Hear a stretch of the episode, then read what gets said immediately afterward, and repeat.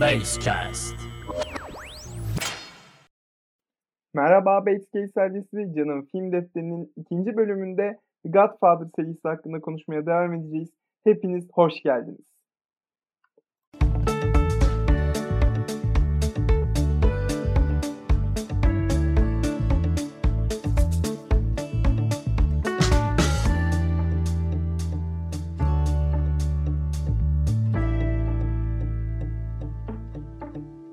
Evet.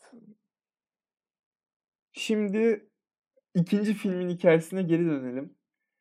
Dediğimiz gibi çok ilginç bir ruh haline giriyor. Ford Coppola stüdyo kapıda bekliyor. İkinciyi çekelim Coppola diye. Coppola ama hiç o tarafta değil yani. Ben çekmek istemiyorum diyor ikinci filmi. Canım istemiyor diyor. Başım ağrıyor diyor. Böyle deyip geçiştiriyor stüdyoyu. Ve en son stüdyo Francis Ford Coppola'yı reddedemeyeceği bir teklifte bulunuyor. Şöyle diyorlar. Everything. Ne istersen. Her şey senin elinde. Sınırsız bütçe, sınırsız kontrol, her şey senin elinde. Diyorlar ve he- her yönetmenin istediği şeye kavuşuyor Ford Coppola. Tam yetki, sınırsız bütçe ve ikinci filmin senaryosunu yazmaya başlıyorlar Mario Puzo ile beraber. Tabii ikinci film ilk filme göre daha az e, hikayeler barındırıyor çekim aşamasında. Çünkü artık Coppola'nın yenmesi gereken bir otorite yok. Yani ne isterse yapılıyor zaten. Coppola'ya güven tam. Nina Rota da yine gelmiş. Müzikleri yapıyor. Daha ne isteyebilir ki? Tek herhalde Marlon Brando bir kere daha oynamak istemediğini belirtiyor ve bu filmde yok. Herhalde o biraz üzmüştür Ford Coppola'yı. Onun dışında çok üzecek bir şeyin yaşandığını sanmıyorum onu. İkinci filmde de zaten fark ederseniz hani bu sınırsız bütçe demiştik ya. Yani onu çok iyi görürüz. Çünkü inanılmaz pahalı sahneler vardır. Mesela ilk sahne geminin yani Vito Corleone'nin Amerika'ya gelişi, o figüranlar, o geminin gelmesi, o çekimlerin kaç gün sürdüğü ve o geminin ne kadar e, yani o sahnenin kaç kere tekrarlandığı falan çok önemli detaylar tabii. Bun, bunlar hakkında pek bir şey bulamadım araştırmalarımda. Ama böyle yani çok pahalı sahneleri vardır. Küba'da sahneleri vardır. Cidden pahalıdır. Pahalı bir filmdir. Ve aslında biraz da hikayesi şunun üstüne kurulur. Bence şu yani şunun dediğime bakmayın şu iki şey üstüne kurulur. Birincisi hani iki hikaye paralel ilerler. Yani aslında bu da bu konuda da bir öncü. Bu konuda da bir devrim yaratıyor Baba serisi. Nasıl? Çünkü o zamana kadar paralel iler- ilerleyen iki tane hikaye diye bir şey yok. Yani o kültür yok sinemada ve o kültürü getiriyor yani. Ee, aynı zamanda Al Pacino'nun, Michael Corleone'nin hikayesi ilerlerken Vito Corleone'nin de gençliği işlenir. Cidden çok önemlidir yani. Çok büyük bir değişiklik yapar sinemada. Ve Robert De Niro'nun performansını görürüz zaten. Bu film bittiğinde en iyi yardımcı erkek oyuncu Oscar'ına kavuşacaktır Robert De Niro. Yani cidden Robert De Niro'dan çok iyi bir oyunculuk görüyoruz. Vito Corleone'nin yazılışı çok iyi bence. Yani o yüzden Mario yani zaten Mario Puzo bu seriyi çok iyi bir çizgide tutuyor. Hikaye anlatımı ve karakter gelişimi olarak. Mesela her yazar iyi bir senarist değildir. Yani bunu son yıllarda görüyoruz. J.K. Rowling mesela en basitinden. Her yazar iyi bir senarist değildir. Sanırım belki de ama şunu bilmiyoruz. Yani belki de Mario Puzo'nun bu açıklıklarını biraz da Coppola toparlıyordu. Yani çünkü beraber yazıyorlar filmlerin senaryosunu. Belki de böyle bir durum vardır. Ama Coppola belki de kendi kafasında yarattığı için bu karakterlerin hepsini onları aynı zamanda çok iyi de tanıyor. Mesela yani biraz Baba filminden ayrılacağım burada. J.K. Rowling'in son yıllarda kendi yarattığı karakterleri ne kadar kötü tanıdığını da görüyoruz.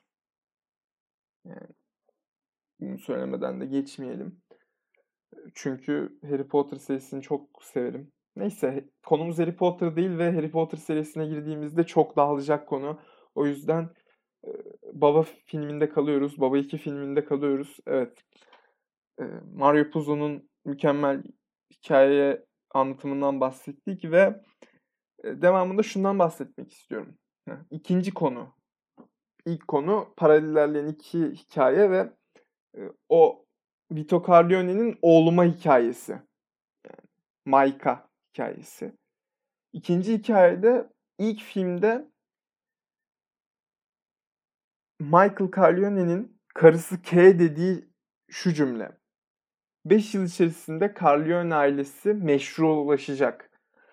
Tabii e, sallıyor Michael. Yani aslında sallamıyor. Bunu istiyor. Bunun için uğraşıyor. Ama film yani ikinci film 7 yıl sonrasını anlatır. Ama başarılı olamıyor. Yani ne yazık ki 5 yıl sonra Corleone ailesi meşrulaşmamıştır. Hala mafyanın içindedir. Bu iki hikaye üstüne kurulmuş bir şey ve çok ünlü de bir e, senato yani Michael Corleone'nin yargılanma sahnesi vardır. Benim çok sevdiğim bir sahnedir. O sahne de mesela çok e, fazla paraya çekilir ve e, cidden yine Coppola ve Mario Puzo'yu ayrı tebrik etmemiz gerekiyor. Çünkü hikaye mesela normalde o arada hikaye çok hızlı ilerler. Yani yavaş bir tonda geçen filmdir Baba serisinin filmleri ama o arada yani o kısımlar çok hızlı şekilde işlenir. Ve o hızlı şekilde işlendiğini biz hiç hissetmeyiz. Yani üçüncü, dördüncü izleyişte fark ettim ben. Yani Allah Allah bu arada ne oluyor falan filan derken bir anda buldum kendimi. bu da ayrı bir konu. Yani cidden Mario Puzo ve Coppola burada hiç hissettirmeden o geçiş sağlıyorlar. Bence üst düzey bir şey ve ben bu filmdeki Sicilya sahnelerini çok severim. Özellikle Vito Corleone'nin sahnelerini. Çünkü sanırım eskitmeden dolayı ya. Ciddi yani bilmiyorum. O ekrandaki eskitme gelir zaten. Hafif bir eskitme olur. Vito Corleone'nin sahnelerinde. ikinci filmde. Herhalde ondan dolayı diye düşünüyorum. Ama cidden Sicilya sahneleri çok iyi bir sinematografiyle, çok iyi bir görüntü yönetimiyle çekilmiştir. O yüzden çok severim. Ve ikinci filmde Al Pacino'nun yani Al Pacino üstünde bir hikaye görürüz aslında. Al Pacino üstünde bir hikaye görürüz derken filmi taşıyan Al Pacino'dur. Mesela her ne kadar kendisi iddia etse de ilk filmde Marlon Brando'dan daha çok göründüğünü ve aslında onun en iyi erkek oyuncu Oscar'ına aday olması gerektiğini iddia etse de ilk filmde her şeye rağmen Marlon Brando taşırdı filmi. Yani ben bana göre Marlon Brando taşı, taşıyordu o filmi. Ve Al Pacino da ona çok iyi bir yardımcıydı. Ama bu film öyle değil. Bu filmde Al Pacino filmi taşırken Robert De Niro ona çok iyi bir yardımcı. Sadece tek bir sıkıntı var. Al Pacino en iyi erkek oyuncu Oscar'ını kazanamadı ama Robert De Niro en iyi yardımcı erkek oyuncu Oscar'ını kazandı. Yani iki hikayede de aslında Oscar konusunda şanssız bir Al Pacino var ki ben çok eleştiririm bu konuda Oscar'ı çünkü yani ne demek bu ya? Yani burada Oscar'ı vermemeleri Al Pacino'ya büyük bir rezillik. Neyse. Oscar'a hiç girmeyeceğim. Oscar kuruluna hiç girmeyeceğim. Sinirlenmek istemiyorum. Bütün bunlar ışığında e, hani başlarda size dediğim bir şey vardır. Eee Apolloni ölür. Ülkemizde yanlış anlaşılan bir konudur demişimdir. Tragedya. Ya ülkemizde genelde çok yanlış anlaşılan bir başlık. Aslında biz baba filmlerinde Michael Corleone'nin tragedyasını görüyoruz. Yani buna, buna neden girdiğimi de söyleyeyim size. Çünkü ülkemizde baba filmlerine karşı çok büyük bir önyargı var. Nasıl bir önyargı var? Ya işte Kurtlar Vadisi bundan esinlenmiş, o bundan esinlenmiş, şu bundan esinlenmiş. Bir sürü ülkemizde bu film serisini referans alarak çıkmış dizi ve film var. Bu da biraz yanlış anlaşılmaya sevk ediyor durumu. Çünkü genelde üst planda, üst hikayede mafyanın çekiciliği işlenir bizde. Yani o mafyanın mafya olgusu işlenir daha doğrusu. Ama babayı referans alıyorsan bu mafya olgusu üstünde o kadar durmazsın. Çünkü baba aslında tragedya dediğimiz şeyi gösterir.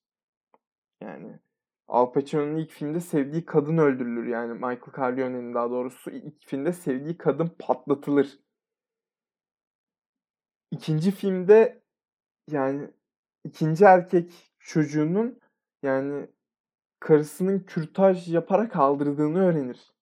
Yani üçüncü filmde kızı ölür zaten ve kendisi de filmin sonunda yalnız ölür. Yani bu tragedyadır. Bunun adı tragedya, trajedi.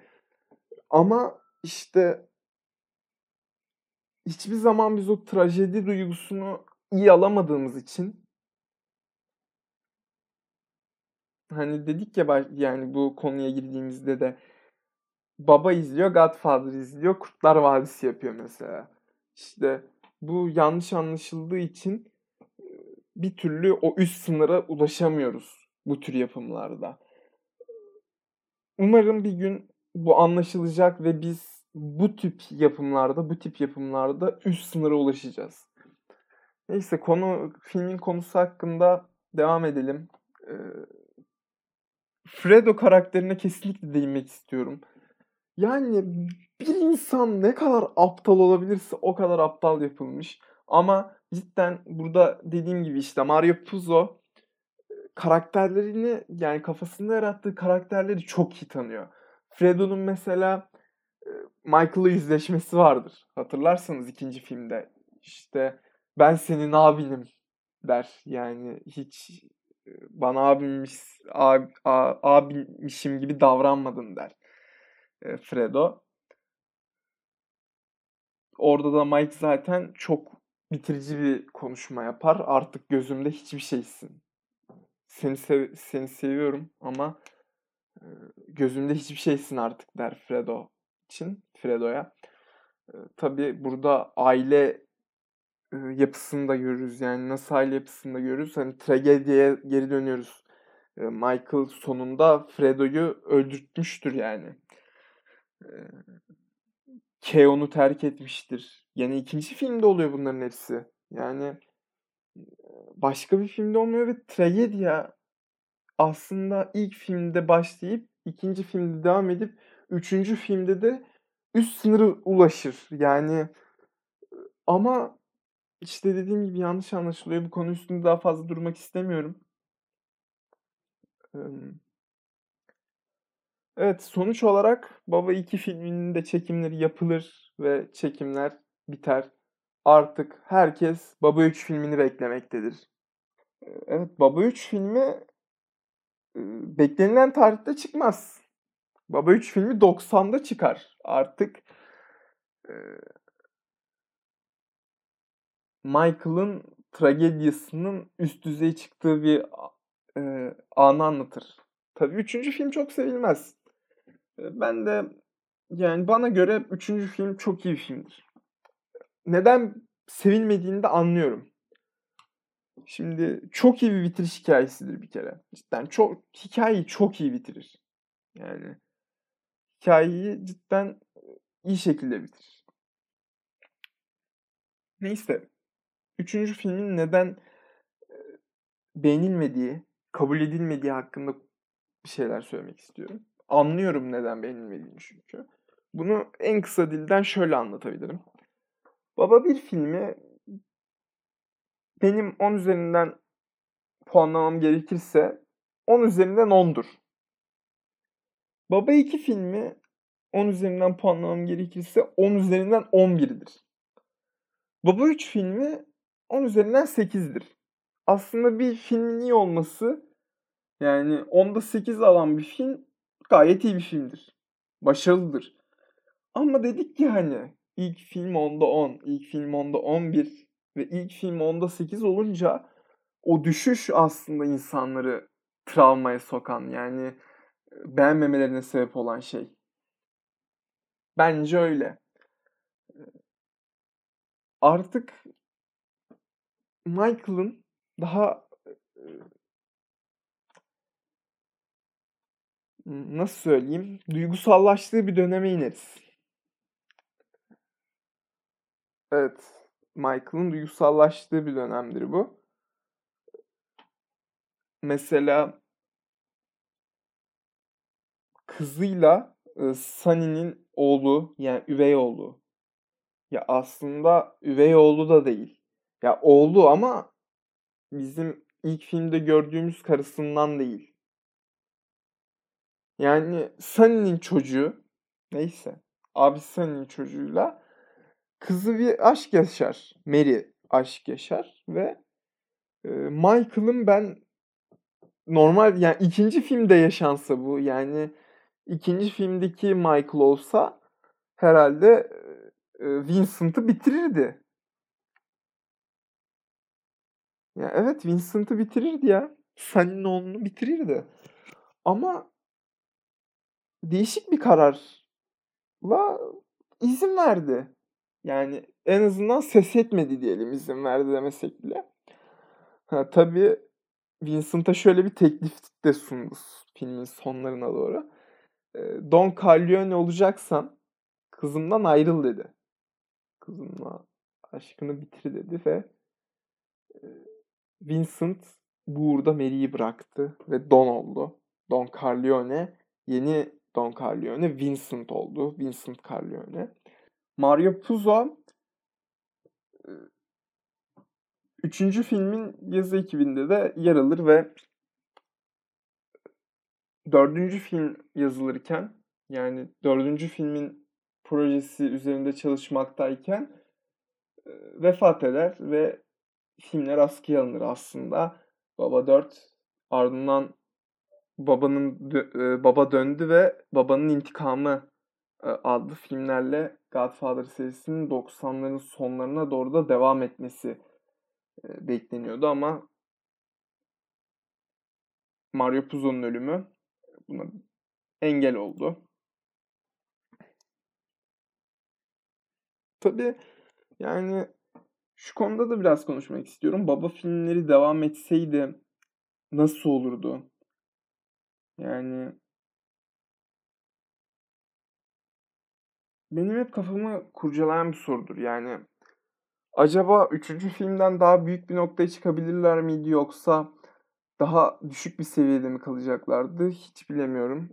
Bu konuda fikirleriniz varsa bize ulaşabilirsiniz. Ulaşabilirsiniz ve teorilerinizi anlatmak isterseniz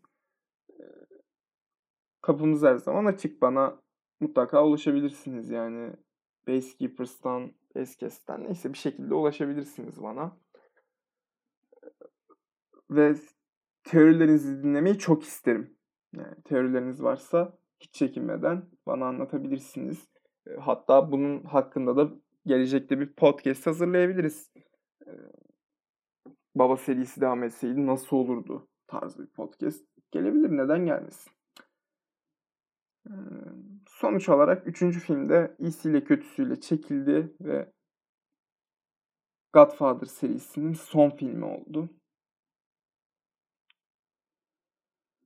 Yani cidden çok sevdiğim bir seri. Ee, sonda da tabii şu ana kadar hiç konuşmadığım ve eminim yani bu kadar şeyden bahsetti. Bu adam hakkında nasıl konuşmadı dediğiniz bir kişi var. Nina Rota. Öyle bir film müziği yapıyor ki ve Capola'nın da burada çok büyük bir e, bence cesareti var yine. İyi bir yönetmen özelliği var. O zamanlarda yani 70'lerde, 70'lerin başında yine 70'lerin sonunda Star Wars'ta biraz daha film müzikleri e, meşrulaşsa da yani alışılsa da film müziklerine 70'lerin başlarında film müzik müziği diye bir kültür yok sinemada. Yani olsa bile yani filmlerin müziği olsa bile Baba serisinde tutulduğu kadar ön planda tutulmuyor. Yine yani devrim yaptığı bir şey. Yine bir devrime yani sinemada bir devrime sebebiyet veriyor bu konuda. Yani hala mesela şu an film müzikleri çok ünlü. Hala ama film müziği deyince mesela o babanın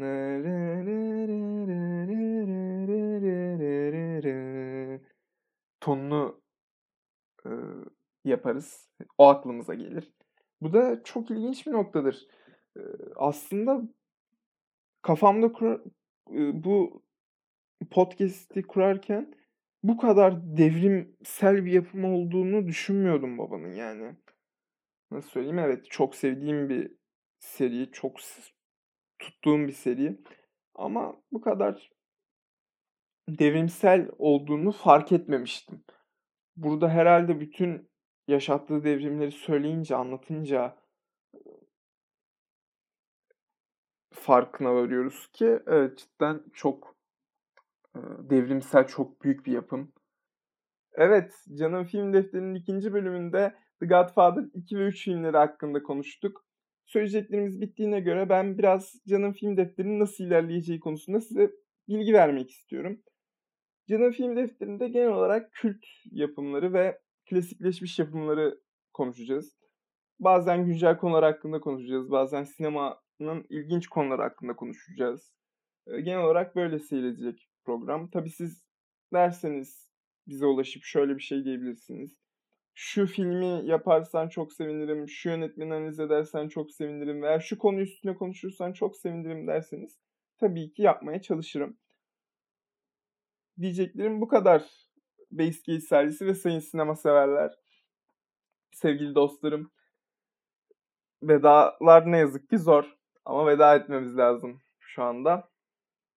Bir dahaki podcast'ime kadar yaşamayı unutmayın ve kendinize dikkat edin. Şimdilik hoşçakalın diyorum. Görüşmek üzere. Basecast.